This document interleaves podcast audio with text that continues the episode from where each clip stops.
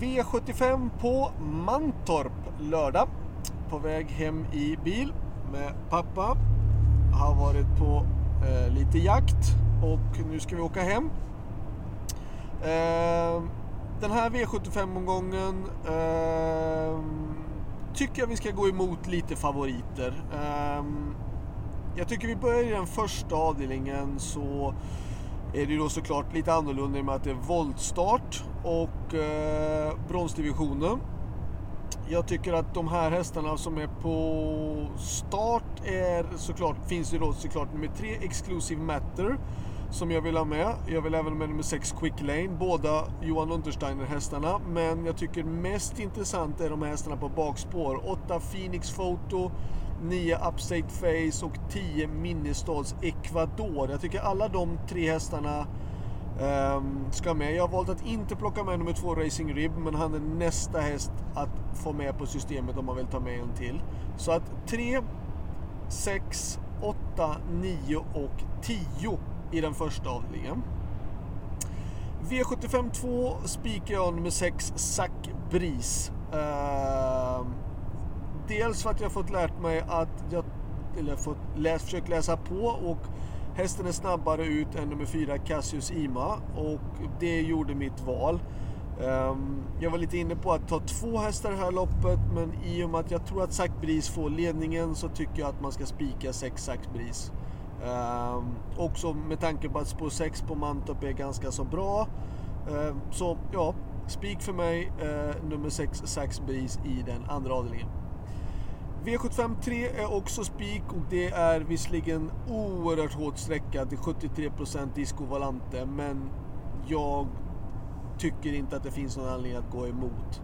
Eh, uh, hästen har varit fantastiskt duktig, han har bra spår, motståndet um, ingen av motståndarna har något riktigt bra. De som är okej okay, tycker jag inte har några bra utgångslägen. Så jag, jag, tycker att det är spik på nummer tre, Disco Valante.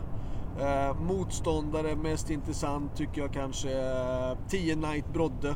Om nu Disco Volante skulle bli alldeles för het så tycker jag att 10 Night Brodde är den som är mest intressant emot. V75 4 är då nummer 3 Call Me Brodda, väldigt hårt sträckad. Eh, jag tycker vi ska gardera. Eh, jag är inte säker på att hon vinner hälften av alla loppen hon ställer upp i. Hon är sträckad i 52% just nu. Jag tycker att det är värt att gardera upp i sådana fall. 1. Luna Nera Doc. 3. Kolmi Brodda. 5. Appaloosa. 7. Bianca Sisa. 10. Svesak Palema och 12 Santis Delicious. Det är de hästarna som jag vill ha med. Så att 1, 3, 5, 7, 10 och 12. V75 5. Uh, eh, hade det varit 1600 meter bil då hade jag kanske kunnat gått på en spik på nummer 3 Franklin Face. Men i och med att det är 2-1 bil så väljer jag att gardera. Jag vill ha med nummer 1 Jaguar Dream, 4 eh, Franklin Face och 5 My Dream Art. Så 1, 4 och 5 i den här avdelningen.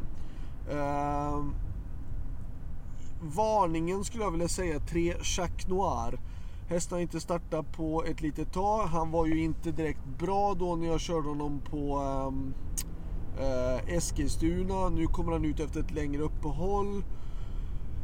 Bra utgångsläge. Jacques Noir kan ju springa väldigt fort men han är också väldigt svårberäknelig. När man tror att han ska gå bra då går han inte och när han inte har några förväntningar då går han väldigt bra. Och den här gången har han inga förväntningar så jag kan tycka att han är en farlig varning i sådana fall i loppet. V75 6. Då ska vi ta nummer 1.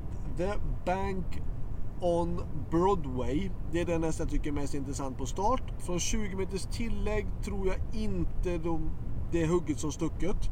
Men däremot från 40 meters tillägg 9 Hosiana Boko, 12 Princess V och 13 Velegans.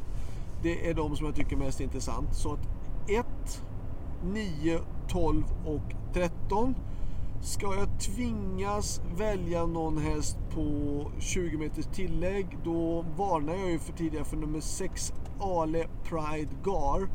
Hemmahäst och eh, skulle kunna vara intressant i sådana fall ändå. Hon, hon, hon är bättre än vad hon har gått. V75 7.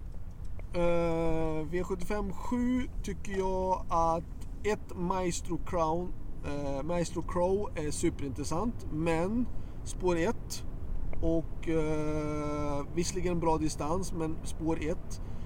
Eh, 6 LL Royal nedstruken till ett femte spår nu, då när nummer 4 är struken. 8 eh, Timo Lane gick bra senast och då 10 Leon Zon skulle kunna vara varningen i loppet. Så att 1, 6, 8 och 10 i den sjunde avdelningen. Ehm, så det var allt tycker jag. Uh, inte så mycket mer att tillägga om det. Jag tycker det var svårt att hitta varningar utöver de hästarna som jag tagit med. Och spikarna, ja självklart är ju då den bästa spiken då i tredje avdelningen nummer tre Disco Valante.